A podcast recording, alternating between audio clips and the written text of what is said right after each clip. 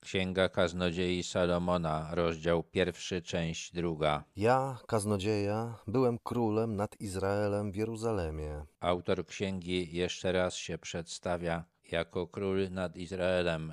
To potwierdza, że autorem jest Salomon. Postanowiłem szczerze mądrością zgłębić i zbadać wszystko, co się działo pod niebem. Jest to żmudne zadanie, jakie zadał Bóg synom ludzkim, aby się nim trudzili.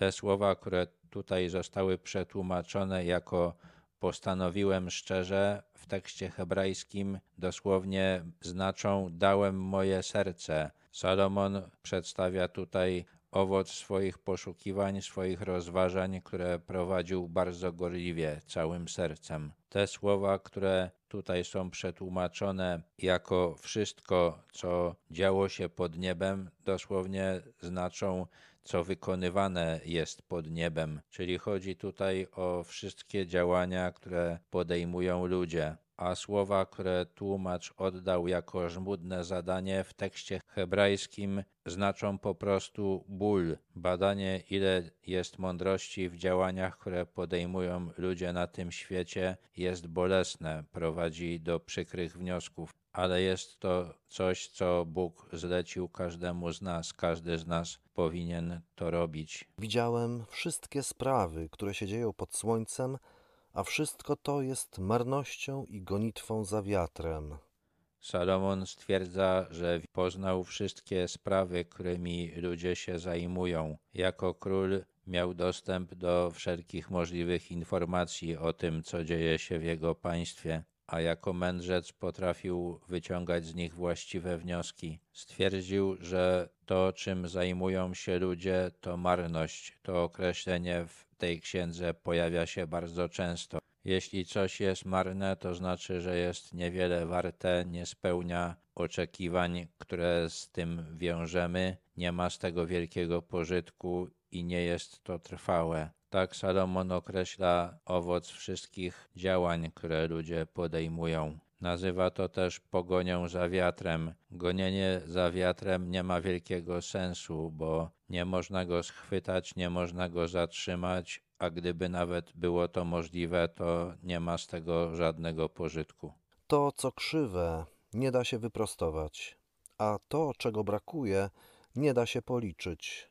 W dalszej części tej księgi Salomon jaśniej tłumaczy tą myśl. Pisze, że człowiek nie może wyprostować tego, co skrzywił Bóg. Odruchowo przyjmujemy, że to, co proste, jest lepsze od tego, co krzywe. Bóg różne rzeczy pokrzywił, czyli uczynił gorszymi niż były kiedyś. Można się domyślać, że nastąpiło to po tym, gdy pierwsi ludzie zgrzeszyli. My żyjemy w tym pokrzywionym świecie czujemy, że mógłby on wyglądać inaczej, ale nie jesteśmy w stanie poprawić pewnych rzeczy, wyprostować tego, co Bóg skrzywił. Tęsknimy też do rzeczy, których tutaj po prostu nie ma. To też pomyślałem w sercu swoim tak. Oto stałem się wielki i zdobyłem więcej mądrości niż wszyscy, którzy byli przede mną w Jeruzalemie a moje serce poznało wiele mądrości i wiedzy. I postanowiłem szczerze poznać mądrość i wiedzę, szaleństwo i głupotę. Lecz poznałem, że i to jest gonitwą za wiatrem. Biblia nazywa Salomona najmądrzejszym z ludzi. On też wiedział, że jest mądry. Tutaj się określa jako najmądrzejszy ze wszystkich, którzy byli w Jeruzalemie ale mądrość, którą miał, nie wystarczała mu. Postanowił też poznać głupotę. Podobnie jak pierwszym ludziom nie wystarczało to, że znają dobro, ale chcieli też poznać zło. Badanie i porównywanie mądrości i głupoty nie dało Salomonowi szczęścia, to wiemy z innych ksiąg Biblii. Nie przyniosło to też niczego dobrego tym, którzy żyli pod rządami Salomona. Prawdopodobnie pisał to pod koniec swojego życia i uznał, że gonił za wiatrem, czyli robił coś, co nie mogło przynieść żadnego pożytku i nie miało żadnego sensu. Bo gdzie jest wiele mądrości, tam jest wiele zmartwienia, a kto pomnaża poznanie, ten pomnaża cierpienie. Pierwsi ludzie chcieli poznać zło i poznali, ale szczęścia im to nie przyniosło. Salomon otrzymał mądrość od Boga, ale potem zaczął badać głupotę, która pochodzi od ludzi. Skutkiem tego miał wiele zmartwień i cierpiał. Tak jest los każdego mądrego człowieka, który jest daleko od Boga. To, co widzi i do czego dochodzi rozumem, przygniata go.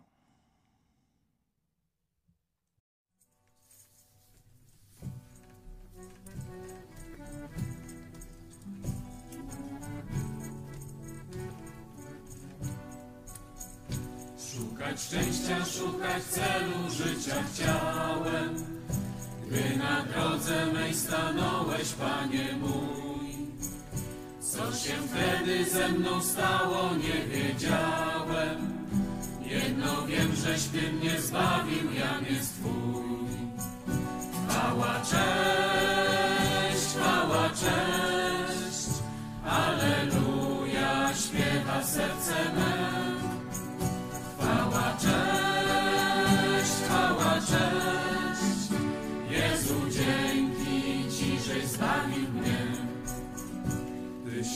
okazał dla mnie miłość swoją, Panie, której głębi ja nie mogę pojąć sam.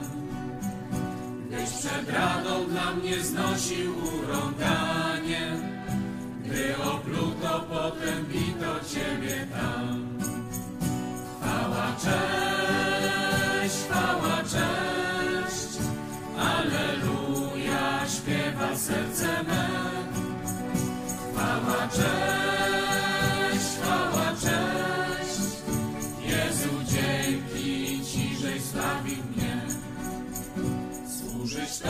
Pragnę dzisiaj całym sercem, pragnę, Panie, zostać jednym z Twoich słów. Naucz, Panie, Twego słowa, naucz więcej, abym zawsze Twoją wolę pełnić mógł. Chwała, cześć, chwała, cześć, Alleluja, śpiewa serce me. Chwała, cześć,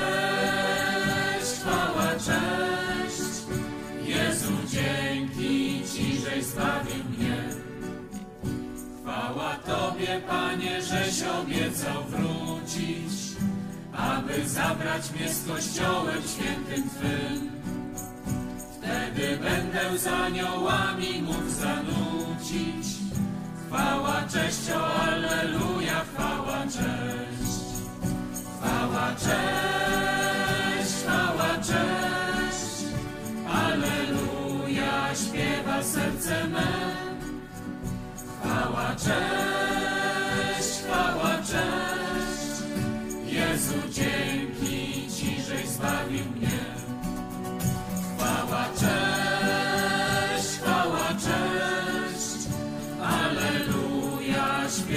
serce me.